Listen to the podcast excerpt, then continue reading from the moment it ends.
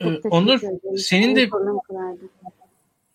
Onur e, senin de fikirlerini alalım. E, ee, ben bu sabah bir tweet paylaşmıştım. Dedim ki bu İstanbul Sözleşmesi'nden çekilme kararı e, Sümeyye Erdoğan, Esra Erdoğan ve Emine Erdoğan'a rağmen alınmıştır. E, bu karar AK Parti içinde güçlenen milli görüş ve e, İmam Hatiplilerin zaferidir ve ailenin kadınlarına karşı bir zaferdir diye e, bir mesaj yayınlamıştım. Zaten kadem açıkça hedef alınıyordu. Hatırlayın yazınki tartışmaları. E, özellikle akit çevresi milli görüşlerin bir kısmı kademi hedef tahtasına koymuştu.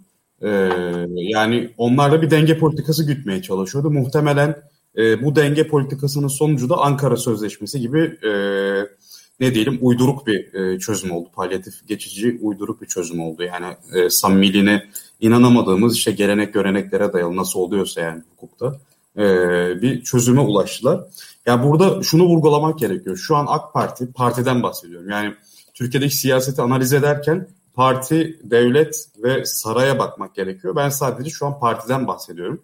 E, partide şu an Tayyip Erdoğan, Numan Kurtulmuş ve ekibine güveniyor. Onlar da Saadet, Milli Görüşler, İmam Hatip gibi daha e, refah kökenli e, kişilerle temas kuruyorlar ve e, tamamen sadakate dayalı bir ilişki dayanıyor. Burada tabii Bilal e, Erdoğan'ın da oynadığı rolü unutmamak gerekiyor. Bilal Erdoğan vakıflarla ilişkili zaten kendi vakıfları da var. Yani TÜGVA, TÜRGEV aracılığıyla Türkiye'de e, nasıl diyelim e, taşranın en ücra köşelerine e, sızacak kadar büyük bir operasyon gerçekleştiriyorlar aslında. Diğer cemaatlerle de bunu destekliyorlar. E, devlet içindeki kadrolaşmada da diğer tarikatlar zaten ön planda. Şimdi AK Parti'nin makineyi döndüren şartlardan en büyüğü dini sosyal sermayesi. Hem tarikatlar olsun hem imam hatipler olsun e, bunu kaybetmek istemiyor. Çünkü e, şu an ekonomik şartlar kötüye gidiyor. E, başkanlık sisteminde dağıtılacak e, rant azalıyor aslında. Çok tepede birikiyor. E, yerel yerel siyasette de aslında AK Parti'yi üzen şey bizatihi İstanbul Ankara'yı kaybetmek değil. Oradaki rantları dağıtmak. Yani İstanbul Büyükşehir Belediyesi Türkiye'deki dördüncü en büyük kurum.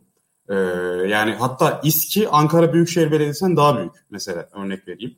Böyle bir yapıyı siz elinizden kaybettiğinizde işte vakıfları fonlamak için para kalmıyor.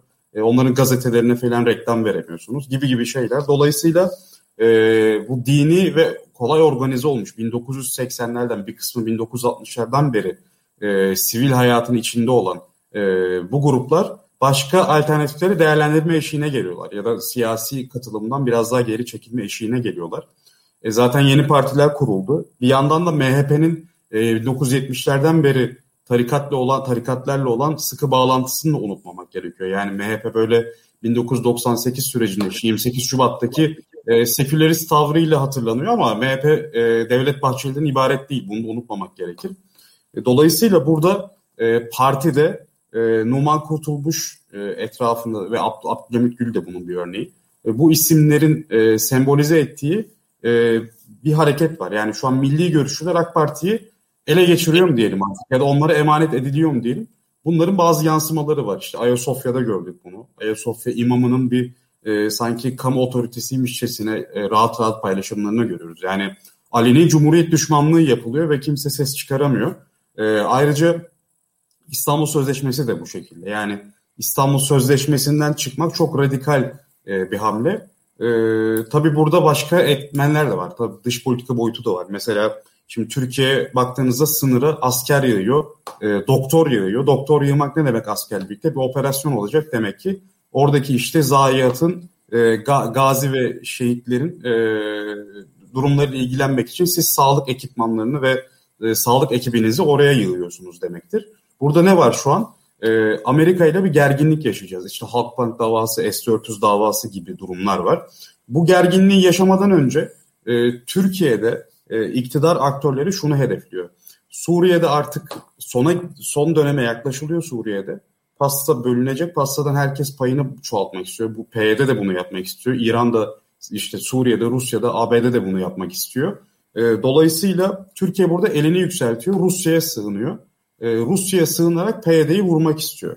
E, ayrıca normalde işte Biden seçildiğinde biz ne bekliyorduk? Biden'la uyumlu bir tablo çizmesini bekliyorduk. Fakat tam tersi bir tutum içerisinde. Yani İstanbul Sözleşmesi bunun bir kısmı. HDP'nin kapatılma davası bunun bir kısmı. Ömer Gergerlioğlu Yani gerçekten karikatürize bir durum var orada artık. E, yıllar sonra herkesin utanacağı bir karar alındı Ömer Gergerlioğlu konusunda. E, ve dış politikada da bu gerginlik PYD karşıtı. Ben bugün mesela A Haber'i izledim.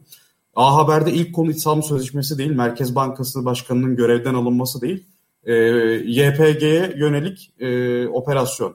E, muhtemelen bu sınır ötesine de geçecek. Yani burada topyekün e, daha da uca gitme. İlkan'ın e, farklı yayınlarda tekrar tekrar ifade ettiği üzere e, Türkiye otoriterliği iyice artıracak, Batı ile yakınlaşmayacak. Son kozunu oynayacak Batı'ya karşı. Bunu da meşrulaştırmak için muhtemelen iktidar erken seçime gidecek. Zaten Merkez Bankası'nın görevden alınması da e, Albayrak ekibinin muhtemelen geri dönüşü ve popülist e, seçim ekonomisine geçiş anlamına gelecek. Düşük faizlerle birlikte kısa vadeli tüketim artırımı burada Enes ve Özge Öner bahsetmişti. E, ben kısaca toparlamış olayım. E, bir yandan işte e, Batı ile kavga, Batı ile kavganın bir aracı olarak maalesef İstanbul Sözleşmesi, HDP meselesi. E, diğer yandan işte YPG'ye karşı, PYD'ye karşı %70-80'lik kitleyi arkasını toplayarak bir şekilde yine %50 artı biri bulup 5 e, sene daha ülkeyi meşru bir şekilde yönetme ve e, batılı aktörleri buna razı etme. E, tabii burada Suriyeli mülteciler de işin içine giriyor bir koz olarak maalesef. Böyle bir büyük set var aslında. Hani büyük oyunu görelim, büyük resmi görelim bakış açısı vardır ya. Ben çok kısaca toparladım. Benim görüşüm böyle. Yani bu çok üzücü İstanbul Sözleşmesi konusu. Parti içi tartışmaların da rolü çok etkili. Ama olay gerçekten çok karmaşık. Yani ben, ben birkaç dakika içerisinde konuyu çok farklı yerlere getirdim ama bu geniş zaviyeden bakmak gerekiyor bence artık. Türkiye çok radikal bir yere doğru gidiyor. Çok tetikte olmamız gerekiyor. Tahriklere gelmememiz gerekiyor. Bu çok önemli. Ee, toplumsal muhalefet, sivil toplum, siyasal partiler farklı farklı görevler icra ediyor. Herkes e, bu noktada birlik olup iş bölümü içerisinde olmalı. Yani Berk Hoca bahsetti. Dedi ki işte muhale bazı özellikle yurt dışında olanlar veya buradaki aktivist kesimlerin bir kısmı ya da gazeteciler açıkça muhalefete muhalefet ederek ahlak sinyalliyorlar. E, siyasal partilere olan desteği kesiyorlar ve umutsuzluk yaratıyorlar. Ayrıca andığımız gibi gereksiz tartışmalarda da insanlar zaten yani mesela şimdi baktığımızda işte iyi Partililer bu konuda beklendik açıklamalar yapacaklar. Yani 50-60 yaşına gelmiş insanların bu konuda bir anda e, liberal bir düşünceye kaymasını bekleyemeyiz veya tam tersi işte anti Kemalistler e, andımızı okuyan insanları işte neredeyse hayvan muamelesi yapacaklar. Ya bu konuları tartışılmaması gerekiyor. Bunlar iktidarın önümüze attığı şeyler, kemikler yani. E, bunların üzerine basıp geçmemiz gerekiyor. Benim yorumlarım bu şekilde. Biraz uzattım kusura bakmayın. Şimdi e, Onur'u duyunca benim de biraz bir şeyler söyleyesim geldi. E, ben yayının yayının başında iktidarın e, muhalefetin e, parçalı olmasından faydalandığını söylemiştim. Şimdi aslında iktidar tarafında da belli parçalar var. Bu parçaları şimdi bir şekilde e, bu son eylemlerle e, bence iktidar kendince birleştirmeye çalışıyordu. E, bu bağlamda aslında e, absürt bir örnek vereceğim size. Ya bu İstanbul Sözleşmesi'nin kaldırılacağına dair e, işte kulis tarzı bir bilgi aldığımız zaman şey denmişti. Ya ama şey kadınların da e, gönlünü hoş tutmak için Ayasofya imamı da görevden alınacak. Yani şey, bu, bu böyle bir sistem gidiyor şu an Türkiye'de. Yani e, bilmiyorum alınır mı alınmaz mı ama ben böyle duydum. Yani şu an iktidarın çalışma tarzını muhtemelen AK Parti içerisindeki bir insan o daha iyi biliyor ve e, hikaye böyle anlatılıyor. Yani bir taraftan çünkü şöyle bir durum var dediğin gibi onu yani Berat Albayrak çevresi bir şekilde tatmin ediliyor. Bir şekilde Bilal Erdoğan çevresi tatmin ediliyor. Dediğin işte milli görüşler tatmin ediliyor. Kendi içerisinde nispeten daha e, hani e, o ataerkil itiraz bir şekilde muhafazakar itirazla birleştiriliyor ki şu anda şöyle söyleyeyim birkaç aşama daha var. Hatta yani iktidar şu anda ekonomik olarak, özgürlükler olarak hiçbir şey vaat edemiyor. Mesela o morarma falan e, o hashtagleri de tesadüfi. Çünkü iktidarın artık bir mutluluk vaadi yok. Sadece karşı tarafın mutsuzluğunu vaat edebiliyor kendi seçmenlerine. Nispeten e, bunun yanında dediğin şekilde kimlik siyaseti tek tek eklenecek ve e, benim de şu anda yaklaştığım tez şu şartlar altında erken seçimin daha olası olduğu. E, bunu tekrar konuşuruz belki ama e, iktidar tarafında da şu an ben merak ediyorum gerçekten de çünkü e, dindar kadınlar da iktidarın mobilizasyonunun önemli parçalarından bir tanesi. Şimdi bu dindar kadınları tamamen yatsıyarak da e, devam edemez. Bu Ankara Sözleşmesi e, bir Ankara adı e, ne olursa olsun Türkiye'deki e, yerli milli söylemin heyecanlandıracak bir attır her zaman için. O, o boşuna seçilmemiştir diye düşünüyorum. E, ve bunun dışında bir sözleşme yani İslam Sözleşmesi'nin yerine bir şey koyma fikri de ne olursa olsun yine e, kendi e, dindar kadınları bir şekilde e, ikna etme çabasının çabasının sonucu olacağını düşünüyorum ki e, burada şöyle bir şey var. E, Emine Hanım çok güzel anlattı. Buradaki diğer aşamaları. Diğer aşamalarda da şu yani ne yazık ki bu e, fikriyat İstanbul Sözleşmesi ile bitmiyor. Yani İstanbul Sözleşmesi bir anda akla geldi. De, dediği şey çok doğruydu.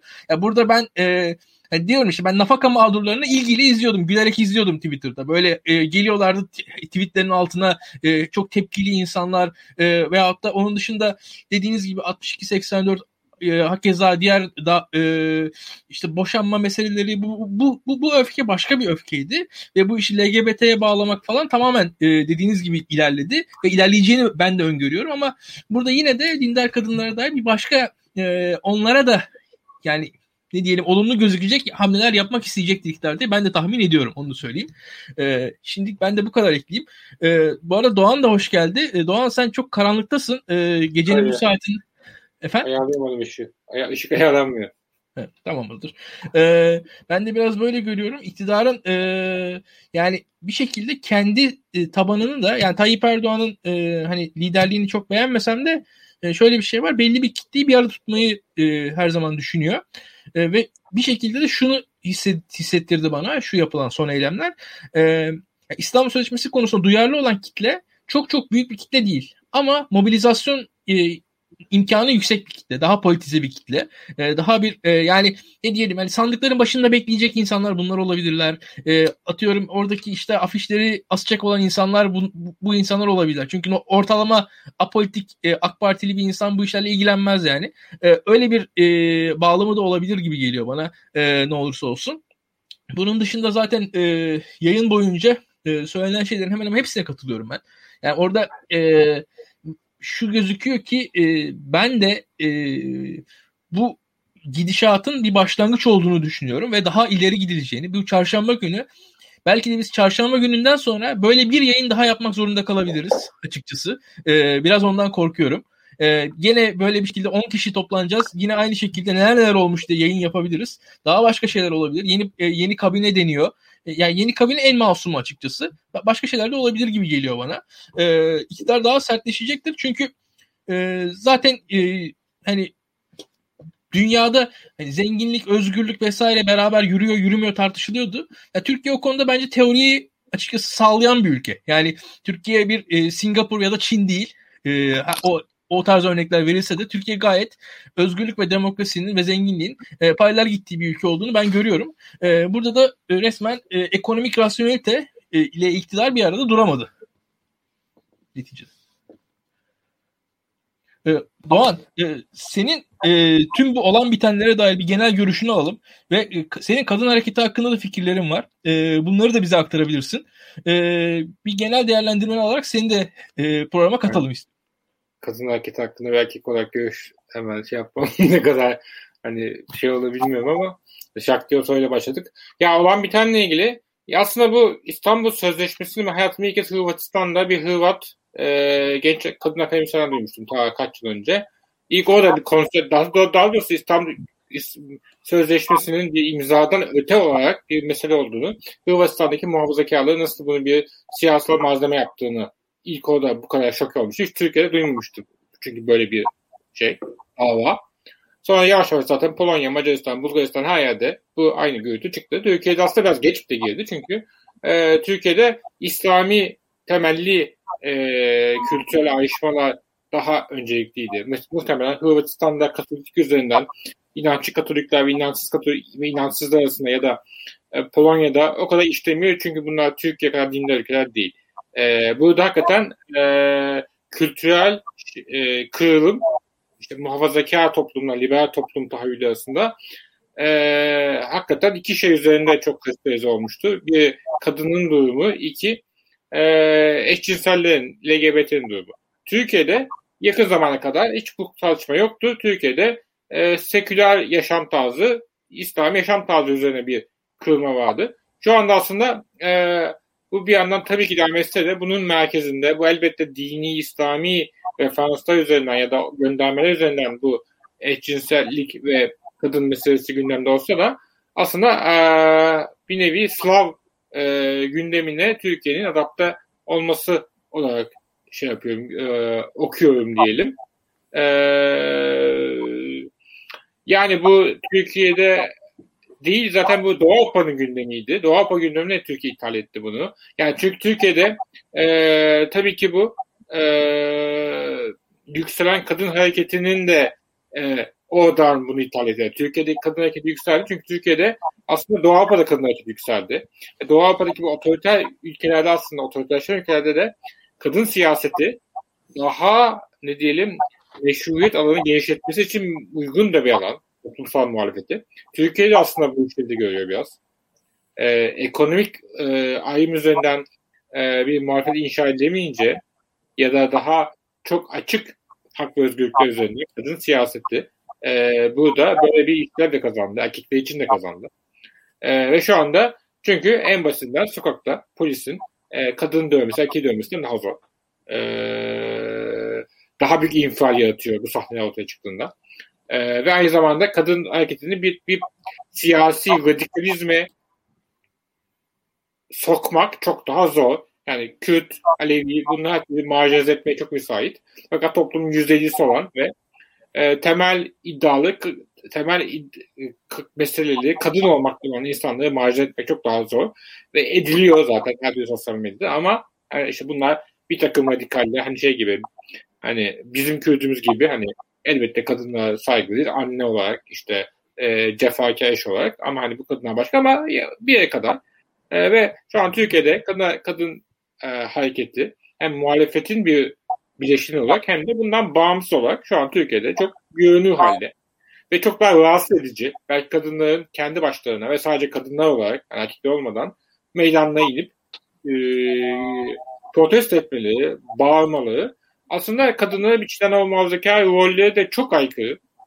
E, belki burada ekstra bir tahrik, tahrik olma sebebi. Hani hani çünkü cinsiyet aslında bunların e, sokağa inmeli. Çünkü bu 19. yüzyıl sonunda işte bu hani sufajetlerde başlıyor. Sufajetler de sokağa iniyorlar. Ka- kadınlar ilk kez sokağa iniyor. Kadın olarak yani toplu halde.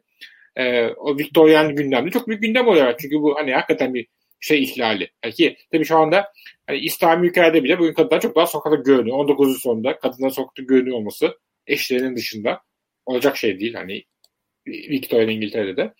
Ee, e, bu bağlamda e, insanların ister muhafazakar ve iktidar cephesinden ister muhalefet cephesinden hani kadın siyaseti niye bu kadar merkezi olduğunu e, bir bağlama sokmalı, tarihsel bağlama kült sokmalı ve bunun da bir tuhaf durum olmadığını bugün güncel siyasetin ta kendisi olduğunu da görmek lazım. 68 hareket çıktığında da 68'de o zaman kadar neydi işte? Tüm siyaset ekonomi merkezliydi. İşte e, muhalefette, sol muhalefette işçi e, toplumsal bilinçsizlikler üzerinden, işçi sınıfı sendika üzerinden olmalıydı. Birden üniversite öğrenci çıkınca bu hem toplumsal tüm algılara aykırı, ne diyeyim, toplumsal teoriye aykırı hem de saçma. Çünkü neden? 20 yaşındaki çocuk, genç, hevesli gençler böyle büyük muhalefet inşa edecek durumda olmamalı ama 68 hareketi çok daha güçlü bir muhalefet oldu genç üniversiteli. Bugün de Türkiye'de kadın kadın siyaseti böyle bir katalizör görevi görüyor diyebiliriz ve e, İstanbul Sözleşmesi tartışmaları da hani zaten sözleşme içeriğinde en ufak daha haberde olan kişinin burada herhangi bir ne diyelim so, e, atfedilmek istenen şeyin olmadığını biliyor.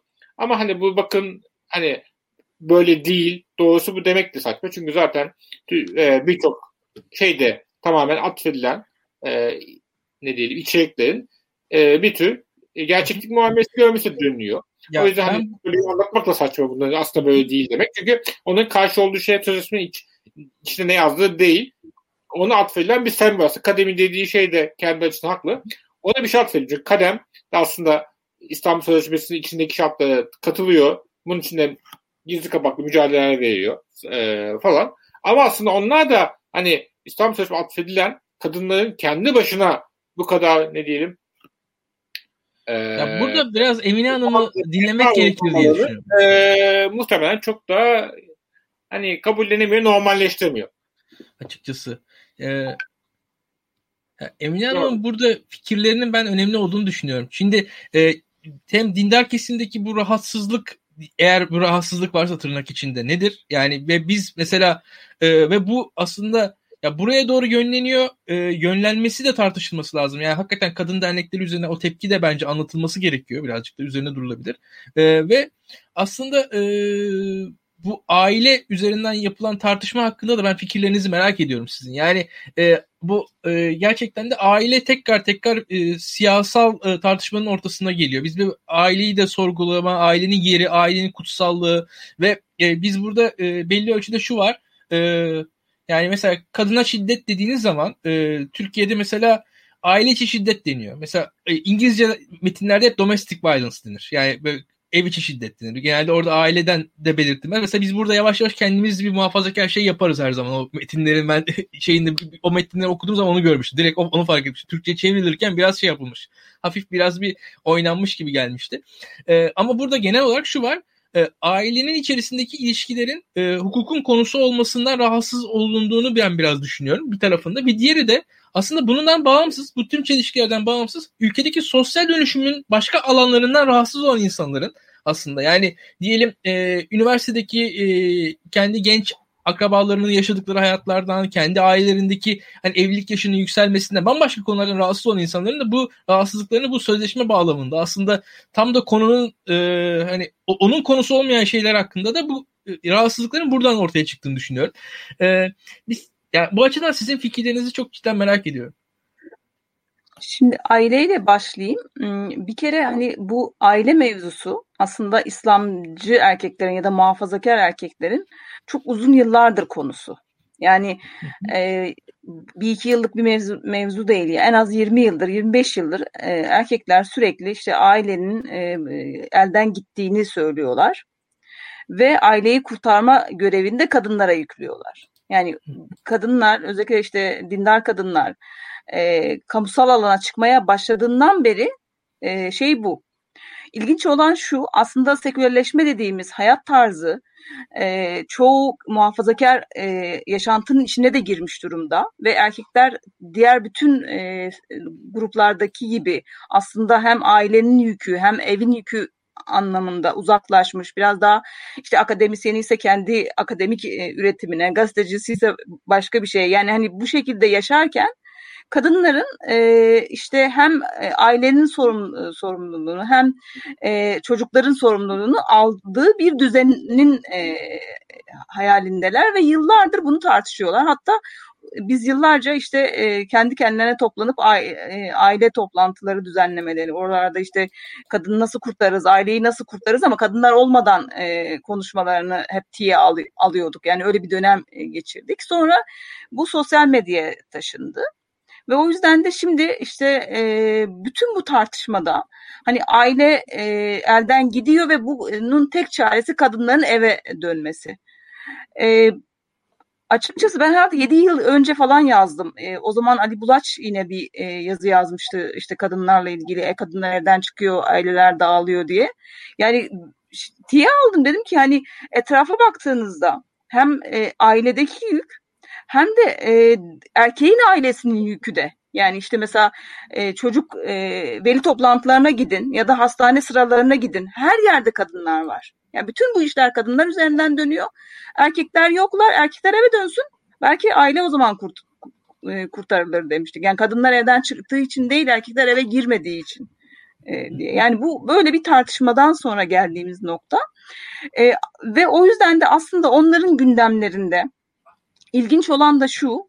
Yani e, İslam'la ilgili, dinle ilgili bütün e, konu siyaset olunca, konu ekonomi olunca her şeyi tevil ettiler ve günümüze uydular. Yani mesela hiç siyasi konularda hiç e, 1500 yıl, ön, yıl önceki geleneklerimiz, değerlerimiz devam etsin diye bir söylemleri yok. 20 yıl önce devlet onlar için tağuttu. Şimdi tapınıyorlar devlete. Bu konuda hiç çelişki görmüyorlar mesela. Ama konu kadın olunca, kadınlarla ilgili hükümler olunca e, toplumun hiç değişmediğini ve sanki bu ataerkil yapıyı din içinden tekrar tekrar kurulduğunu e, bizim hani yaşayarak deneyimlememizi unutup e, işte İslam'ın e, içine e, devam edelim, İslam'ın içinde devam edelim ve o zaman da bütün sorunlarımız çözülsün gibi bir kolaycılığa kapılıyorlar. E, o yani burada kaçırdıkları nokta ister AK Partili olsun, ister muhalif e, partilerin tabanlarındaki kadınlar olsun, isterse siyasette hiç ilişkisi olmayan, hani oy verme anlamında bile siyaset ilişki kurmayan kadınlar olsun, artık o kadınlar yok. Yani bir kere bunu kabullenemiyorlar ve okuyamadıkları şey bu. E, bunu oku, okuyamadıkları için sürekli dış mihraklar peşindeler. Yani nesilleri Netflix, Netflix bozuyor. Nesilleri işte e, sosyal medya bozuyor gençler şuraya dağılıyor o yüzden bozuluyor. Yani sürekli dışarıdan arıyorlar. Halbuki aslında kendi evlerindeki çocukların çocukları onlarla aynı düşünmüyor. Yani ben sizin kuşaklara göre biraz daha e, eski bir kuşağım. E, mesela bugün e, ilginçtir yani bugünkü eylemde 4-5 yaşındaki hallerini bildiğim kız, e, kızların e, eyleme gelmişlerdi. Şimdi işte 25 yaşında genç kızlar onlar, başörtülü genç kızlar. Ben hani o onların 4-5 yaşındaki hallerini bilirim. Arkadaşlarımın çocukları, arkadaşlarımın arkadaşlarının e, çocukları yani. Hani e, böyle bir kuşak de, değişimi var. Ve ama bunu bunu göremiyorlar. Bir böyle bir tarafı var. E, bu bu işin özü aslında yani hani buradaki e, o yüzden de aslında hani kadınlar e, kadınların bazıları halen AK Parti'yi e, kendi e, haklarının e, şeyi olarak görüyor, teminatı olarak görüyorlar. Bunu yani görmeleri de normal. Çünkü nihayetinde e, gerçekten hani başörtü yasağı gibi çok e, yıllarca keyfiyetle süren bir yasak yasağın içinden çıktık. Ama e, geldiğimiz noktada özellikle hem genç kuşağın zaten böyle bir e, arka planı yok. Yani böyle bir travması yok. Bir kere o yüzden onlara mesela sürekli seçim zamanlarında başörtü mevzusunu o yüzden hatırlatmaya çalışıyorlar. Ama hani bizim kuşağımız açısından da AK Parti olmadan önce de biz başörtü yasağıyla ilgili mücadele verdik ve o yüzden de hani yıllardır bunu söylüyorum. Bizim hani rehin olamayız bir başörtü yasağı mevzusunda. Ama nihayetinde burada hani kendi e, hakkının devamı veya Türkiye iyi bir Türkiye ya da yaşayabileceği bir Türkiye'yi AK Parti'de gören kadınların da yani varlığı var. Yani mevzu burada aslında nasıl hani kadın hareketinin gücünü falan söylüyoruz ya burada kadınların hiçbirisi e, şey değil. Yani böyle gruplar halinde ve aynı düşünmüyor. Bunun görülmesi lazım. O yüzden de hani orada olup halen onlara katılmayan kadınlar da var. Onlar için işin daha zor. Aslında bu e, dün e, bu e, şeyle başlayan bir güçlü kadın tartışması var. Ben bu güçlü kadın tartışmasının da aslında şeyi bu. Yani şu anki imtihan aslında bizim değil. Biz zaten hani dışarıda olan ve e, e, tırnak içinde söylüyorum makbul olmayan kadınlarız bu güçlü kadın dedikleri kendi ikna etmeye çalıştıkları, e, şimdiye kadar başkasına olan öfkeyle e, rehin aldıkları diyorum tırnak içinde. Şimdi de artık size biz paya vereceğiz, size güç vereceğiz, alanlar vereceğiz e, diyerek tutmaya çalıştıkları kadın. E, yani onların ikilemi aslında bu. Çünkü e, güçlü dedikleri kadınlardan aslında itaat bekliyorlar. Gecenin bir vakti istedikleri taglere yazmalarını istiyorlar. Yani bu bakan da olsa değişmiyor.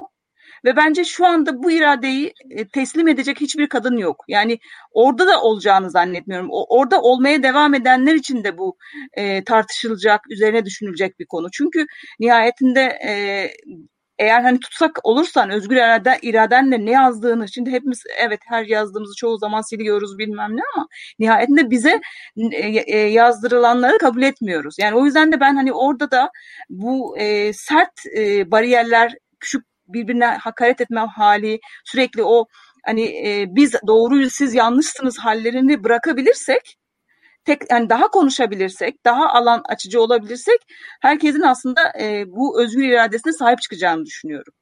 Yani mevzu biraz bu. E, o yüzden de hani e, kimse bence Türkiye'deki e, toplumsal kesimlerin hiçbirisi e, şey değil. E, yani hani biz e, en meşru biziz de hiç hata yapmadık diyebilecek bir e, ne ideolojik ne de dini ne de bir e, şey arka planı yok. Hepimiz birbirimizi bu e, süreçlerde gördük. Ondan sonra nerede nasıl durduğunu gördük ve nasıl mesela şu anda Millet e, İttifakı etrafında nasıl ilkesel e, bir siyaset gütmekten bahsediyoruz. Yani bu nihayetinde bunların hepsini biliyoruz. O yüzden e, e, herkese hani o tahakkümü dayatmadan nerede karşı çıkıyorsa, neresinden karşı çıkıyorsa onu bir kere bir hani kabul etmek lazım. Ben benim gördüğüm şey bu. Ama tabii ki yani kuşaklar çok değişiyor. Bu bazen e, keskin dil çok istenen bir şey çünkü hani e, daha da e, ilgi görüyor. Hani o yüzden anlıyorum.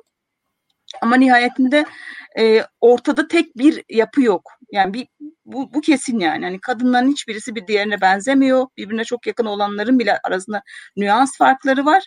Hani sokakları diyoruz ya sadece aslında sokaklardaki e, sokak derken eylemlerdeki kadınları değil. Hayatın gündelik hayatın içindeki kadın farklı kadınları da biliyor olmamız lazım. Onların ne düşündüğünü, onların ne gördüğünü de e, takip etmemiz lazım. E, son olarak şunu söyleyeyim. Yani sivil toplumdaki insanlar ya da medyadaki ya da akademideki insanlar gerçekten biraz gündelik hayattan e, kendilerini e, soyutlamış durumdalar. Siyaset sokağa daha yakın, arkaik dili yani evet katılmadığım çok nokta oluyor ama siyaset sokağa daha yakın. Yani bir sivil toplumda e, sokaktan, gündelik hayattan çok bir e, biraz daha uzak bir yerde ve o yüzden de bir yanılsama sağlıyor. Yani hani bu yanılsamaya da kapılmadan biraz hani e, gündelik hayattaki e, duruşu takip etmenin siyaset açısından da e, ben daha çok alan açacağını düşünüyorum. Dur bir saniye. Çok teşekkürler ee, Emine Hanım. Ben de katılıyorum e, bu dediklerinize. Özellikle genç kuşaklarla ilgili dediklerinize. Ben şeyi hatırlıyorum mesela bu Boğaziçi olaylarında e, bir tane e, Blue TV'ye Boğaziçi'li bir öğrenci kadın katıldığı zaman işte onu 28 Şubat'la ilgili bir soru yöneltildi. Ve e, o da ben bu konulara hakim değilim dedi. Bunun üzerine zaten 28 Şubat'a da çok az kaldığı için ve Clubhouse'da bir odaya denk geldim. Ravza Kavakçı'nın oldu, milletvekili Ravza Kavakçı'nın olduğu bir odaydı bu ve insanlar şey diyordu, vekilim ne olur genç nesillere anlatın bilmiyorlar diye böyle ağlıyorlardı. Ve hepimiz şey biliyoruz aslında o kadın gerçekten biliyor. Hani çocuklar da biliyor. Herkes biliyor. Türkiye'de 28 Şubat'ın ne olduğunu, ne anlama geldiğini, nasıl mağduriyetler olduğunu herkes biliyor. Sadece kadın şunu anlatmaya çalışıyor ve gerçekten bunu anlamıyorlar. Ee, beni buradan vurmayın artık benim sırtıma bu kamburu yüklemeyin. Bu mücadeleyi benim sırtıma yüklemeyin. Çünkü benim başka sorunlarım var. O mağduriyetler o gün de kaldı. Bugün daha başka mağduriyetlerim var gibi bu kadarını bile anlamıyorlar. Sanki o köprüyü bir şekilde kuramadılar. Neden e, böyle bir iletişimsizlik oldu? Çok mu kibirden böyle bir şey oldu bilmiyorum ama böyle bir durumda var gibi geliyor bana. Ee, Onur, e, açıkçası senin de gelecek planlarını en azından tekrar duymak istiyorum ben. Nasıl Şimdi, yani? gelecek planı derken yani şahsi gelecek planı var. Şahsi gelecek planından ziyade daha doğrusu şey. Mesela e, seçim sistemi değişikliği dedin. Buradaki ihtimaller ne olabilir? E, Berk Hoca otoriterleşmede belli adımlardan bahsetti. Burada da hani bir sonraki adım seçim sistemi. Yani e, şurada bakıldığı zaman e, yargının sündürüldüğü gözüküyor. Nispeten e, hani mobil e, ve radikal unsurların e, mobilize edilmek, e, mobil olabilecek radikal unsurlar üzerinden siyaset yürütülüyor şu anda. Hani bence e, bu İstanbul Sözleşmesi meselesi yani e, Emine Hanım çok güzel anlattı. Yani AK Parti'nin vasatının da derdi değil. Yani burada bir, bir e, zümrenin derdi resmen. Ana dertmiş gibi ortaya sunuluyor. E, bu da açıkçası e, giderek bir ucuda seçim sistemini benim aklıma getiren bir şey bu. Yani bir yerden sonra. E, çünkü başka öncelikler olmaya başlayacakmış gibi geldi bana. Yani mevcut sisteme göre yani bir şekilde e, daraltılmış bölge dar bölge olabilir. Belki e, iki turlu değil tek turlu seçim e, düşünülebilir. Olmadı işte ilk ilk turda yüzde kırkın üzerinde bir parti oy alırsa seçilir veyahut da ikinci tura işte yüzde otuzlarda kalırsa ancak olur. O, mesela bu şey vardı hatırlarsın. Ee, Faruk Bey mi AK Partili?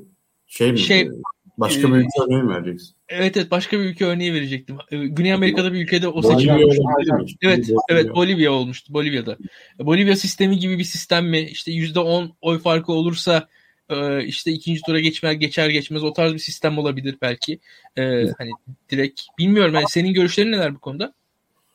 Şöyle aslında e, farklı bir yerden geleyim. Emine Hanım az önce bahsetti ya işte İslamcı erkekler aslında e, gündelik yaşam konusunda filan yeri göğü inletiyorlar ama siyasal sistem konusunda e, en kral makyavelist onlar. Aslında devleti ele geçirdiler ve devlet kendileri oldu. E, bunun da bence e, en zirve noktası AYM'deki son değişiklik. Yani Anayasa Mahkemesi'nde İrfan Fidan'ın atanması üye dengesinin tamamen artık e, İslami İslam demeyelim de yani AK Parti tam İslami olup olmadığı da tartışmalı artık. Yani AK Parti'nin Erdoğan'ın eline geçmesi e, devletin sahibi pozisyonuna getirir Cumhur İttifakı'nı. Şimdi daha öncesinde de e, şunu düşünebiliyorduk her zaman. AK Parti coğrafi olarak üstün bir parti değil mi? Haritaya baktığınızda sapsarı. Yani hatta bazı seçimler 2000, 2004 yerel seçimlerini mesela Aydın ve Tekirdağ'da kazanmıştı. Hani Edirne, Kırklareli, Çanakkale, Muğla e, bir de Tunceli hariç işte Doğu illeri hariç her yerde sapsadı e, AK Parti. Niye daraltılmış sisteme geçmiyordu mesela? Neden geçemiyordu? Çünkü devletin sahibi değildi. AYM'den dönebilirdi. Toplumsal muhalefet ve e, siyasal partilerin muhalefeti güçlüydü görece. Medya e, tamamen onların elinde değildi. Doğan medya vardı. Her ne kadar tutumlarını biz eleştirsek de 28 Şubat'ta e, askerle ilişkilerinde filan 2000'lerde e, yine de direnebiliyordu. Yani şimdi mesela CNN'e falan bakın Doğan medya günlerini mumla ararsınız yani. E, o yüzden siyah beyaz bakmamak lazım. E, fakat e, gerçekten devlet konusunda şu an siyah beyaz bir noktaya geldik. Yani çok büyük bir şansımız var. Türkiye'de doğalgaz çıkmıyor, işte petrol çıkmıyor. Rant ekonomisi yok. Dolayısıyla e, yöneticiler meşruiyetini sandıktan almak zorunda. O sandık yani Allah'a şükür mü diyelim artık yani. E, böyle AK Parti terminolojisine kayıyorum yavaştan ama e, o sandık orada. O sandık sayesinde iktidar değişebilir. Ama tabii bu kolay olmayacak. Senin de sorduğun gibi e, seçim sistemi değişikliği gerçekleşebilir. Tabii burada MHP engeli var. Çünkü daraltılmış bölgeye geçtiğinizde veya dar bölgeye geçtiğinizde vekil sayısını dağıt, dağıttığınız, daralttığınızda e, yüzde o bölgede yüzde yirmiden aşağıda oyu olan partiler vekil çıkaramıyor. Beş ve e, aşağısı sayıda sandalye olursa eğer. E, dolayısıyla MHP bir AK Parti içinde Büyük Birlik veya Demokrat Parti veya Saadet Partisi gibi e, birkaç sandalyeyle ikna edebilir bir parti pozisyonu sokmak istemez Devlet Bahçeli. Yani Devlet Bahçeli bu bilgi adam pozisyonunda şu an. E, şimdi biz A Haber filan izlemiyoruz. Ben bugün biraz A Haber'e e, maruz kaldım bir saat. Çok keyif aldım şey olarak. E, yapım olarak çok kaliteli ciddi söylüyorum. Keşke muhalefetin öyle bir kanalı olsa. Yani müzikler, stüdyo filan böyle inanılmaz bir kanal. E, orada da o muameleyi görüyor. Kendi partisine de o mu- muameleyi görüyor. Yani halkın yarısının gözünde Devlet Bahçeli e, devleti işte cemaatten, Kürtlerden yani PKK'dan kurtarmış e, ve iktidarı Erdoğan'ın eline vermiş. Erdoğan'ı başkan yapmış bir bilgi adam. Yani bu pozisyondan e, Mustafa Destici pozisyonuna inmek istemez dar, dar bölge sistemiyle bir anda. Dolayısıyla e, seçim sistemi değişikliği muhtemelen eğer olursa e, daraltılmış bölgelerle e, İstanbul, Ankara gibi e, kalabalık sandalye sayısı olan yerleri, yerleri daha küçük bölgelere bölme şeklinde gerçekleşebilir ve e, bunu yaparken de gerrymandering diye tabir ettiğimiz e, iktidar partisinin lehine olacak değişiklikler gerçekleşebilir. Zaten e, bunun örneğini deniyorlar. İşte Esenyurt Beylikdüzü örneği var mahalleler konusunda. Çank, e, Çankaya Yeni Mahalle örneği var. Ama işlerine yaramadı ikisinde de. Yani Çankaya'da Yeni Mahalleyi de CHP yönetiyor. Esenyurt ve Beylikdüzü'nde CHP yönetiyor yani baktığınızda. E, işlerine yaramayabilir ama hani ne kadar hazırlıklılar tabii ki AK Parti'nin ne kadar yetenekli e, beyinleri var bu konuda çok bilmiyorum. Olmaya da bilir ellerinde olabilir. Eğer e, gerrymandering iyi bir şekilde uygulayabilirse meclis çoğunluğunu elde edebilirler. Meclis çoğunluğunu elde etmenin yanı sıra bir de Cumhurbaşkanlığı seçimleri var. Ben %40 artı 1 gibi farklı uygulamalara geçilmesini çok olası bulmuyorum. Ee, onun için büyük değişiklikler yapmak gerekiyor sanırım. Ee, orada İyi Parti desteği gerekecektir muhtemelen mecliste ya da herhangi başka muhalefet partisinin. E, hukukçular daha iyi bilir. Ben şu an net rakamı hatırlamıyorum. E, nitelikli bir çoğunluk gerekiyor benim hatırladığım kadarıyla. Ona güçleri yetmiyor. Güçleri yetse denerlerdi muhtemelen. Yani %40 artı gibi, %40 artı bir gibi bir sistem. %50 artı bir ile devam edebilirler. E, bence muhalefetin, e, iktidarın buradaki stratejisi şu olabilir. Biraz komplovari konuşacağım. E, benim öngörüme göre e, muhalefetin ortak adayı muhtemelen e, İmamoğlu olacak gibi görünüyor. Yani o CHP'li bir isim yani İmamoğlu olmasa da İmamoğlu modeli biri olacak yani. CHP'li bir isim veya Kemal Kılıçdaroğlu'nun CHP'li olmasa da Kemal Kılıçdaroğlu'nun belirlediği bir isim olacak. Ee, yani muhalefetin istediği şey bu. Tek adayla yarışmak veya belki ilk turda e, Demirtaş aday olur HDP'den. Belli de olmaz yani. Bu, bunu kimse düşünmüyor mesela. Normalde e, zaten şu an siyaset aslında öyle işliyor. HDP, kalan muhalefet ve Cumhur İttifakı gibi işliyor. Bu şekilde gerçekleşebilir. Ama burada Cumhur İttifakı'nın hedefi şu olacaktır. Ee, İmamoğlu veya İmamoğlu'na benzer bir adayı bir şekilde seçime sokmamak, onun hakkında soruşturma açık karar bağlayarak böyle hamleler gelebilir. Ben endişeliyim açıkçası. Ee, mesela İmamoğlu davasında çok kritik bir yıldan az ceza verdiler. Eğer bir yıldan fazla verselerdi ve ceza kesinleşseydi istinafta sanırım e, aday olamıyordu mesela. E, böyle şeyleri konuşabiliriz. E, Erdoğan'ın da aslında adaylığı tartışmalı da yani bu Anayasa Mahkemesi falan onların elindeyken e, onun bir, bu tartışmanın ne kadar geçerli olur bilmiyorum. Orada e, ittifakın bozulması gerekiyor. İttifak bence yani Bahçeli bozmaz gibi geliyor şu anlık. E, tabii ki orta vadede dengeler çok kolay değişebilir. Dış politikanın da etkisi bunda olabilir. E, dolayısıyla burada ben muhalefetin birincisi ortak aday olabilecek isimlere yönelik e, yargı operasyonu. Eğer yargı operasyonu olmazsa medya operasyonu ki İmamoğlu örneğinde bakın yani şehitlikteki provokasyonu görün. E, o provokasyon devam ettirildiğini görün. Camide olsun, yine bugün İBB'nin önünde olsun. Bunlar önemli şeyler. E, İstanbul Sözleşmesi'nden maalesef daha çok konuşulan şeyler bunlar e, kamuoyunda. E, diğer bir faktör de muhtemelen e, Millet İttifakı'nı parçalama stratejisi olacak veya muhalefeti birçok adayla e, yarıştırma stratejisi veya Muharrem İnce'nin mesela adaylığı söz konusu olabilir. Parçalı bir şekilde e, muhalefeti yarıştırma veya muhalefetin ortak adayını e, yenebileceği bir aday olarak belirleme.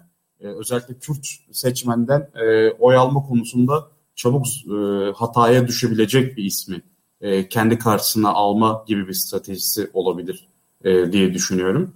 E, ama ben muhalefetin e, iktidardan daha stratejik davranacağını düşünüyorum. Yani Kemal Bey'in, e, Akşener'in ve Demirtaş'ın e, çok önemli e, stratejik bakabilen isimler olduğunu düşünüyorum. Özellikle e, Selahattin Demirtaş'ı almak gerekiyor bu noktada. Ben Selahattin Demirtaş'ın 5 sene öncesine göre çok daha olgun e, ve geniş bakabilen, e, kendinden e, ta, taviz verebilen, şimdi taviz vermek Türkiye, Türkçe'de e, olumsuz bir anlama sahip. Fakat aslında İngilizce düşündüğünüzde şu compromise e, yapabilen yani gerektiğinde esneyebilen bir siyasetçiye dönüşü bu çok önemli. E, burada demokrasi yani İmamoğlu mesela Pervin Buldan'ı araması da kritikti bence. E, bu da az konuşuldu medyada. E, ben bu isimlerin birlikte demokrasi, demokrasiye geçiş sürecini yönetebileceğini düşünüyorum. Ben Berkesen gibi e, bu konuda muhalefetin e, yani muhalefete muhaliflik yapmanın ahlak sinyalleme olduğunu hatta ezber ezbere konuşmak olduğunu yani mesela bu şeye dönüyor bir yerden sonra. Ya bu Fenerbahçe'nin hali ne olacak tartışması vardır ya. Kemal Kılıçdaroğlu eleştirmek mesela bunun gibi oluyor bir yerde ya da CHP eleştirmek. Ama halbuki e, ya tamam yani hani muhalefet demokratikleşme sürecini iyi götürüyor diye eleştirmemek olmaz ama yaptığı iş çok zor. Gerçekten bence şu an e, Cumhuriyet Halk Partisi'ni yönetmek, muhalefeti yönetmek Cumhur İttifakı'nı ve ülke yönetmekten daha zor olabilir. Yani bu kadar beş benzemezi bir araya getirip e, beraber tutmak gerçekten hiç kolay değil. E, dolayısıyla burada tabii ki e, yani sivil toplumda aktif olmayan, sadece siyaseti izleyen seçmenler e, eleştirebilir. Onların en rahat, e, en doğal hakları ama bence kamusal aktörlerin sorumluluğu var. E, bu noktada her zaman rahat her zaman yapıcı şeyler söylemeleri gerekiyor. Gerçekten olağanüstü bir durumdayız. Yani ben şu andaki döneme işte biz kompetitif otoriter, otoriteryenizm diyor Berk Hoca mesela. Bir sandık var ve onunla kazanabiliriz diyor. İşte popülist otoriterlik diyor Burak Bilgen Hoca. Ya böyle olunca mesela Türkiye'yi işte Polonya ile filan kıyaslama eğilim hatasına düşünüyor, düşüyoruz aslında. Aynı, ya kıyaslanabilir hata bu değil pardon. Aynı seviyedeymiş gibi veya Macaristan'la görüyoruz. Çünkü bizim e, bu demokrasi yazınını takip eden diğer isimler Burak Bilgen Hoca ve Berk Hoca'dan bağımsız konuşuyorum. Onların takip ettiği, onları takip eden kişiler daha çok batılı kaynaklardan oturuyor, okuyor. Onlar da daha çok Polonya Macaristan'la kıyaslıyor. Halbuki bence Türkiye maalesef Türkmenistan, Azerbaycan, İran, Rusya e, bu ülkelerle kıyaslanacak seviyeye geldi. Yani ben 1930'ların İtalya'sına, Almanya'sına benzediğini düşünüyorum Türkiye'nin. Çok olağanüstü bir dönemden de geçiyoruz. Bugün Ömer Faruk Gergerlioğlu hakkında e, Devlet Bahçeli'nin attığı tweetler benim çok ağrıma gitti. Yani Ömer Faruk Gergerlioğlu gibi e, hak savunuculuğu noktasında hayatını vermiş bir kişiye meclisteki pislik filan öyle bir tweet attı mesela. Ya bunu rahatça atabiliyor ve bu adam bilgi adam olarak e, kredi verilen birisi yani. Şu anki mevcut sistemde. Yani bu çok acı verici bir şey. Bunu tabii ya Ömer Faruk Gergerlioğlu'nu savunduğunuzda sizi anlamayan e, milliyetçi kesimler oluyor veya ulusalcı diye tabir ettiğimiz kesimler ve bunlar aslında seçmen nezdinde de e, karşılık bulabilecek isimlerken e, muhalefetin yapıcı e, dili bu noktada e, kamuoyunu biraz yönlendirebiliyor. Mesela Gergerlioğlu noktasında ben anket yapılsa şu an e, biraz iyimserim. Muhalefetin Gergerlioğlu'nu de, destekleyebileceğini düşünüyorum muhalif seçmen, CHP ve İyi Partili seçmenlerin. E, bu noktada ama daha cesur olması lazım. Yani e, kamusal aktörlerin de e, muhalefet partilerinin de yalnız bırakmaması gerekiyor. HDP'nin kapatılması konusu da zaten e, gündemin en üst sırasına oturacak. E, bu konuda da yine e, muhalefetin sessiz kalmaması gerekiyor. Muhalefetin sessiz kalmazken de şunu yapmaması lazım. Zaten siz terörist başı e, Öcalan'ı İstanbul seçimlerinde savundunuz. E siz bunu yap yapıyorken HDP de yapar zaten gibi böyle e, çocuğa anlatırcasına argümanlara gerek yok yani. Hukuk devletini savunmak gerekiyor. E, 6 milyon seçmenin iradesini temsil eden partiyi savunmak gerekiyor. HDP'nin nasıl olacaksa bilmiyorum ama PKK'dan bağımsızlaşması e, zeminini hazırlamak gerekiyor. Bunu sen HDP HDP'ye seslenip işte PKK'yı lanetleyin lütfen. Bunu yapmazsanız bir araya gelmeyiz demek realiteye aykırı bir şey. Yani PKK maalesef bir realite. E, ve Suriye'de de e, gördüğünüz gibi PYD dünya genelinde IŞİD'le savaşan kahraman bir aktör olarak tanımlanıyor. E, böyle bir dalga varken e, silahlı Kürt mücadelesini sürdüren bir yapının silahları gömmesini beklemek hakikaten çok reel bir şey değil yani. Ee, burada özellikle e, muhalefet içindeki milliyetçilerin reel bakması gerekiyor. Tabii ama burada şey var yani sosyal medya ile birlikte e, bizim de her gün tanıklık ettiğimiz cancel culture ne diyor iptalleme kültürü diyoruz Türkçesi. Bunun etkisi var. Yani parti içinde de mesela teşkilat ayaklandığında il başkanı onları yatıştırmak için tweet atıyor. Kendi e, görüşlerini rahat rahat paylaşamıyor. E, dolayısıyla burada da yapıcı söylem oluşturmak çok zor. Ben İmamoğlu'nun Pervin Buldan çıkışını mesela özellikle e, parti kapatılma davası sürecinde aramasını çok kıymetli buluyorum. Umarım bu cesaret gelecek siyasete yapılan yatırıma dair e, daha büyük adımlar gelir bütün siyasetçilerden. Yoksa bu karanlıklardan çıkamayız. Yani şöyle bitireyim biraz anketler anketleri konuşayım. Herkes benim anket yorumlarımı merak ediyor genelde. Çünkü kararsız seçmen e, daha yani Kürtlerin kararsız seçmen arasındaki payı çok fazla. Yani üçte birinden fazlası Kürt kararsızların. Genç seçmenin yüzde otuzdan fazlası belki farklı anketlerde e, kararsız veya oy kullanmaz çıkıyor. Yine bunların önemli bir oranı Kürt. E, Kürt seçmenler siyasete yani özellikle hepsinden bahsetmiyorum. Böyle bizim aydınlarımız maalesef genellemeyi çok seviyor. Kürtler şöyle muhafazakarlar böyle seçmen bunu dedi, millet şunu dedi böyle bir şey yok. 60 milyon seçmen var. Herkes başka başka şeyler söylüyor yani. E, ben küçük bir kırılımdan bahsediyorum. Belki seçmenin 3-4 puanını oluşturan ama çok da önemli 3-4 puan siz muhalefet tarafına eklerseniz e, çok büyük bir fark elde edersiniz. Bu sistemden uzaklaşan Kürt seçmene bir şekilde dokunabilen bir muhalefet stratejisi gerekiyor.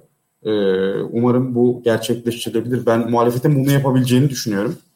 Umutluyum bu konuda. Ama maalesef e, devletin kurumsal e, aktörlerinden de açıkçası çekiniyorum. Yani şu an AYM, MIT, polis, TSK, meclis, yürütme, medya, ekonomi her şey onların elinde.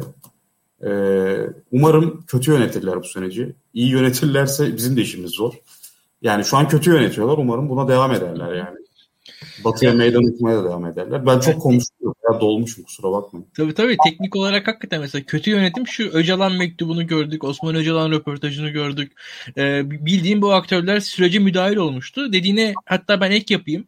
Ya Polonya Macaristan diyorsun. Doğru aslında birçok açıdan benzetti benziyor yani. Ben de ben de benzetiyorum. Hani hakikaten iki ülke yani Polonya'da, Macaristan'da, Türkiye'de de gerçekten seçimler oluyor. Ve gerçekten de otoriterleşme eğilimleri var ve gerçekten de aslında e, bir Türkiye'de diyelim Türkiye toplumu daha muhafazakar mesele kadın hakları üzerinden çizilirken oralar daha nispeten muhafazakarlıktan uzaklaşmış toplumlar. Oralarda iş daha LGBT e, ve eşcinsel evlilikler üzerinden e, ilerliyor. Tamam ama şu var mesela Polonya ve Macaristan'da militer, militarizmin e, pek bir yeri kalmadı. Oraların e, mi, yani militarist kültürlerinin açıkçası e, oraların bir askeri bir gündemi yok. Yani veyahut da bir uzakta belki Rusya tehlikesi var. Almanya ile zaten olay bitti. Yani bundan 40 sene önce Almanya doğu sınırlarını tanıdı ve onun arkasında bir azınlıkları kalmadı o ülkelerin ve bunun üzerine hatta daha ileri gideyim ben Amerika'ya bir şekilde entegre oldular Amerikan sistemi. Türkiye'de ise ya ordu gerçekten bir aktör ve e, sahada savaşıyor. Şu an, şu an Türkiye'nin e, Libya'da bir savaş e, durumu var bir şekilde. Suriye'de bir savaş durumu var. Azerbaycan'da bir şeyler oldu. Ve bunlar hayatı etkileyen şeyler açıkçası. Yani bunlar e, hayatı yani bu şey gibi yani biz burada mesela Emine Hanım hayatın güzel bir tarafından bence bahsetti. Toplumun dönüşümünden bahsetti. Kadınların aldığı rollerden bahsetti. Kadınlardaki kadınların hayattan talep yani en azından yaşadıkları sıkıntılara rağmen o taleplerinden bahsetti.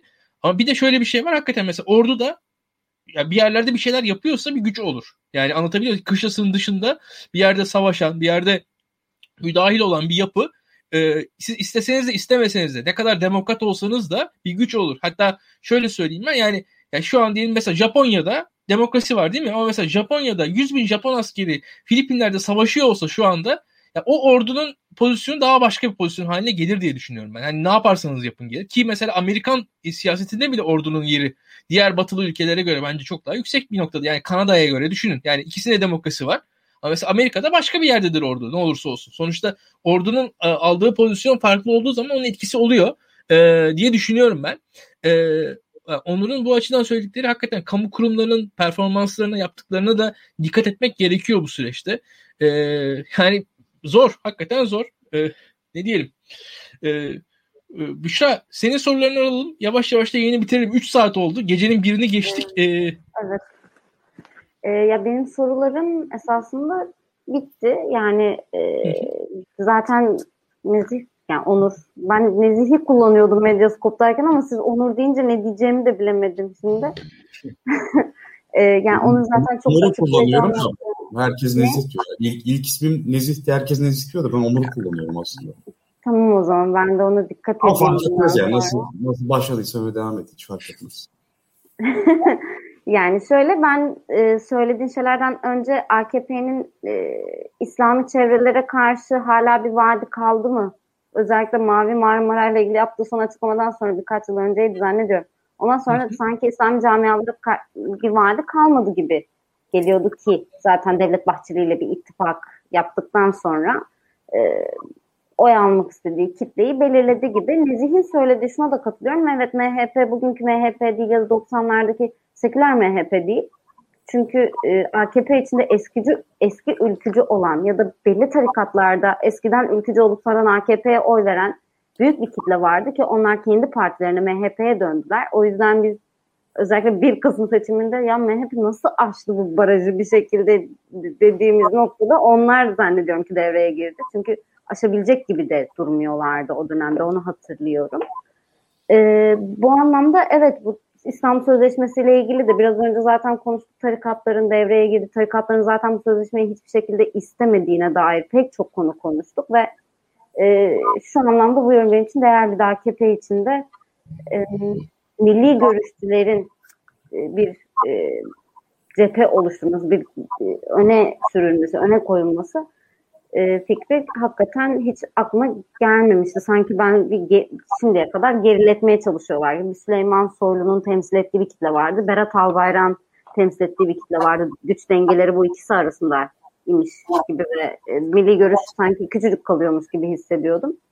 E, bu anlamda bu e, söylemlerin de benim için hakikaten düşündürücü oldu. Teşekkür ediyorum ben. Ben de teşekkür ederim. Ee, bana yer verdiğiniz için. Ee, Emine Hanım e, size de teşekkür ederim. E, Doğan e, sana da çok söz veremedik ama bağlantının kötü olduğu için bu gecelik bizi affet bence. Ve son bir sözün varsa onu da söyle e, ve ondan sonra da yayını bitirelim istersen. Evet. Yani bitirebiliriz. Çok soru yoksa ortaya karışık böyle başlayınca da 5 dakika konuşuluyor. Hiç gerek yok. Ona girmeye gerek yok. tamam. Ben son bir soru ortaya atayım mı? yeni yeni trend bu artık. Türkiye şeriat ne zaman gelecek diye soru gelirdi ya artık. Bence şunu sormak gerekebilir. Türkiye'den şeriat ne zaman gidecek?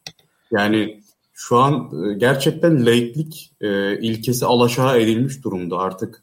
E, biz bunları çok rahat konuşamıyoruz. Böyle şey gibi oluyor yani ke, Cumhuriyet Kemalist teyzesi falan gibi algılanıyorum da. Yani baktığınızda ben korkuyorum açıkçası e, eğitim sistemi. Yani bu iktidar değişse mesela eğitim sistemi ne yapacaksınız? Her yer imam hatip. İşte Ayasofya'yı ne yapacaksınız? Yargı'yı ne yapacaksınız? Ne bileyim yani Sağlık Bakanlığı'nı bile düşünmek zorundasınız. Sağlık Bakanlığı'nda da yani kimler çıkıyor giriyor o var. Yani sonra bu e, Fethullahçılarla mücadele konusunda mesela e, Fethullahçılar ortadan kalkınca tüm mallar paylaştırıldı aslında baktığınızda. Hani kelimenin tam anlamıyla öyle. E, bu dağıtılan malları ne yapacaksınız mesela? Çünkü hukuksuz bir durum var aslında orada. E, yani hani Büşra sen dedin yani milli görüş yok oluyor falan. Ya aslında e, hakikaten e, cemaat devletin eliyle AK Parti sayesinde çok büyütülmüştü. Herkes o e, büyütülen kaynağı çöktü resmen. Yani orada da bir savaş var. E, o, sava o, o, o da çok kıymetli bir kaynak. Yani herkes şimdi düşünün mesela e, ben hatırlıyorum Zaman Gazetesi 1 milyon satıyordu. Nasıl satıyordu? İşte bir şekilde o taşradaki kişilere ulaştırıyor falan filan böyle bir esnaf ağı var. Yani o, o yaratılan yapıyı doldurmak istedi. Tüm yapı, tüm e, dini tarikatlar olsun, işte imam hatip çevreleri şu bu falan filan. Orada aslında bizim e, seküler e, medyaya yansımayan çok büyük bir kavga var. Biz onu takip edemiyoruz. Yani aracı şeyler koptu şu an. Yani medya, alternatif medya kanalı yok. E, gazeteleri de okumuyor. Ya kimse A Haber izlemiyor. Muhalif ben anlıyorum yani. Ben de rahatsız oluyorum açıkçası. Açık da A Haber'i 10 dakika izlemek sabır işi. Ama izlemek gerekiyor ve sadece onunla yetinmemek gerekiyor bence. E, yani buradaki o kavgaları e, iyi izlemek lazım. Rahat rahat yazılamıyor bunlar. Ben de şu an e, biraz böyle nedense bir ge- gevşemiş şekilde konuşuyorum. Her zaman bu kadar açık açık ifade etmiyorum da. E, muhalefetin bu işi çok ciddiye alması gerekiyor. Yani işin kurumsal kısmını, e, bu dağıtılan kaynakları aslında yani baktığınızda 15 Temmuz sonrasında 80 milyar dolardan fazla bir e, mal dağıtıldı mesela. En azından bu tespit edilen miktar. Oradaki politik, ekonomik e, analizler, e, imki, analiz yapılma şansı pek olmadı. Çünkü konu tehlikeli bir konu. E, ama oralara girmek lazım. Yani bunlar çok konuşulmasa da olabilir. Ama bunları konuşan, bunları düşünen e, kişilerin olması gerekiyor. Maalesef Türkiye'de e, seküler, liberal, sol, sosyalist falan fark etmez bunlar. Bu kitleler çok uzak sosyal olarak. Yani sosyokültürel mahalle ayrışmasından bahsediyoruz ya. O mahalle ayrışması politik analizlere de yansıyor. Ve sanki o dünya yokmuşçasına biz konuşuyoruz. Ya bir, bir, şu da var. Mesela diyelim AK Parti yenildi. AK Parti dağılacak mı? Bence dağılmayacak muhtemelen. Mesela dedim ya bugün A Haber. Ya A Haber gibi bir medya kanalını niye bıraksınlar ki seçimi kaybedince mesela? Mesela şunu hatırlayın 28 Şubat sonrası AK Parti seçim kazandı. 364 sandalyeye ulaştı bir anda. E, cemaat de güçlü polis içinde falan filan. E ama mesela e, ordu göreve diye mitingler yapılmadı mı 2007-2008'e kadar? Yani o 28 Şubat rüzgarı devam etti yani. AK Parti 2011 seçimlerine kadar mesela e, muktedir olamadı diyeyim tırnak içinde. Yani muktedir olması iyi bir şey değil. Buradan şey etmez ama evetçi sen AK Parti dedin filan tartışması çıkmasın yani. Ama e, AK Parti sonrası için iyi düşünülmesi lazım. E, bu kurumların e, hali ne olacak, işte vakıfların hali ne olacak filan, medyanın hali ne olacak, ekonomi çevreleriyle ilişkiler ne olacak. Ya mesela beşli çeteden filan söz ediliyor ya bence o, o işin en kolayı. Onlarla yani zaten çıkar odaklı, para odaklı, sermaye odaklı bir şekilde konuşursunuz, halledersiniz onu. Ee, ama işte diğer meseleler ideolojik gruplarla olan kavga, medya yapısı falan bunlar kolay işler değil yani. E, muhalefet yönetmeye çok alışık değil. İstanbul ve Ankara tecrübesinden önce çok büyük bir şey yönetemedi. Ancak CHP yok. Aslında CHP yönetmek fena bir şey değil ama sonuçta politika üretmiyorsunuz CHP'de. Yani dengeleri gütmek falan çok önemli ama e, Bir de şey var yani muhalefet üzerine kalacak olan şey e, ekonomiyi de tamir etmek. Yani burada yine biz andımız konusunda filan böyle devletçi, popülist bir söyleme yenik düşebiliyor muhalefet ama ekonomi öyle hani işte biz ne bileyim tank palet fabrikalarını açacağızla falan filan olacak işler değil bunlar. Herkes e, bu işi ciddiye alsın. Bizi siyasetçilerin, siyasi danışmanların dinlediğini biliyorum. Dolayısıyla böyle açık açık konuşma ihtiyacı hissediyorum. Hepinize iyi akşamlar dilerim. Kusura bakmayın. Ya, e, şöyle bir şey var. Gelecek için aslında en e, ciddi tecrübelerden bir kısmı bir kısmı bence hakikaten sivil toplumda. Öyle ya da böyle mesela bakarsak bu anlattığın hikayeler mesela dindar kesimi dışlayarak yapılacak şeyler değil. Mesela hani Türkiye'de hani, hani şeriatla ilgili falan diyorsun ya bu dindarlara rağmen yapıl, yapılacak bir şey değil. Veyahut da yapılacaksa eğer anlattığın şeyler. Mesela bunun bilincinde olarak hareket edilmesi lazım. Ve illa hani e, kavgaların sıfır toplamlı bir kavga olarak da iktidar değiştikten sonra bile verilmemesi, o zihniyetle verilmemesi gerektiğini düşünüyorum. E, bunun ötesinde e, birkaç şey daha eklemem lazım. Yani burada e, açıkçası ciddi şekilde İslami kesimin devletleşmiş olmasının e, uzun vadede kendi zaafı olduğunu ben görüyorum. O kadar e, çok kötüm, aşırı kötümser değilim ve hayat gerçeklerinin bir yere doğru gittiğini düşünüyorum. Artı e, no, öyle ya da böyle yani evrensel değerler demek yanlış ama e, bir Avrupa Birliği süreci gibi bir sürece Türkiye'nin girmesini veyahut da ya yeni bir e, geniş anayasa e, kurma e, şey e, ortak paydası oluşturulması gerektiğini düşünüyorum. Belki ileride bunlar bu dediğin şeyler e, bize yardımcı olabilir bu sonraki süreçlerde diye e, öngörüyorum. E, yani Ayasofya değil mesele ama şu var e, referans referans kaynaklarımızın çeşitlenmesi gerektiği açık. E, buradan Emine Hanım'ın son sözlerini beraber alalım ve yayını kapatalım istersen. Ne dersin? Ee, ya aslında ben de çok uzatmak istemiyorum. Zaten bu saate kadar ilk kez bu yayında kaldım. Bana da bir şey değil. Ee, sadece şu var yani burada aslında bilmiyorum niye yankı yapıyor. Size de öyle geliyor mu? Bana son yankı yapıyor gibi. Sesle ilgili bir sorun var mı? Yok. Yani şey e, burada hani diyoruz ya işte tamam bütün kurumların aslında kendi e, işlevlerinin dışına çıktığını. Daha doğrusu aslında şöyle mesela e, şimdi siz biraz gerçekten hani bunu e, şimdi siz dinlerken ne kadar yeni bir hafıza olduğunu hissediyorum. Çünkü mesela ben Bahçeli'nin e, başbakan yardımcısı olduğu zaman da gazeteciydim. Yani hani Bahçeli için de şu anki aslında durum e, değişik bir durum. Yani hani Bahçeli de kendi e, eski davrandığı gibi değil. Yani mesela yıllarca ülkücüleri sokaktan e, almaya çalışan birisiydi. Bu kadar böyle Twitter'dan bunları yazıyor olduğunu görmek benim için mesela çok şaşırtıcı yani. Neyse hani e, burada işte bir şekilde e, mesela 90'lı yıllardaki fark şu e, o zaman sosyal medya yoktu ve bürokratların en azından ne düşündüğünü ancak işte diyelim ki alanlarda görüyorduk. Burada e, öyle bir şeye geldik. Mesela ben bazı valilerin yazdıklarını görüyorum. E, bu çok korkunç. Yani bu kadar hani kendi ideolojisini, kendi bakış açısını bir e, düzenin ya da devletin bakış açısı gibi yansıtıyor olması bir sorun. Yani burada sistemin tıkandığı nokta bu. Yani e, mesela başörtü yasağında da e, hani böyleydi. İnsanlar sonuçta kendi görüşlerini sistem olarak dayatıyorlardı ama yine de bu kadar hani böyle e, keyfi davranamıyorlardı. Yani yine mesela hukukuna uydurmak zorunda hissediyordu. Burada şimdi hoşuna gitmeyen kişiyi sokakta e, saldırmak gibi e, devlet dairesinde de e, e, bu tarz davrandığını görüyoruz Twitter'da yazdıklarından veya işte uygulamalardan. Yani bu burada o yüzden sistemin aşındığı bir şey var. Bunun kesinlikle hani e, düşünülmesi lazım. Ama aynı sistemsizliğin e, herkesin bakış açısında da e, olduğunu görüyorum. Yani herkes kendisinin e, etik olduğunu düşünüyor ve o yüzden kendi görüşündekilerin sadece etik olduğunu düşünüyor. Yani biz bir sistem kurmazsak gerçekten bu etik dediğimiz kuralları, davranış kalıplarını kendi gündelik hayatımızda ve tabii ki sistemlerde kurmazsak yeni gelen e, lerin de bir farkı olmayacak. Yani o yüzden mesela kadrolaşma dediğimiz, liyakat tartışmaları dediğimiz her şey aslında bütün bu partilerin hepsinin geleneğinde var. Çünkü biz zaten böyle bir toplumuz.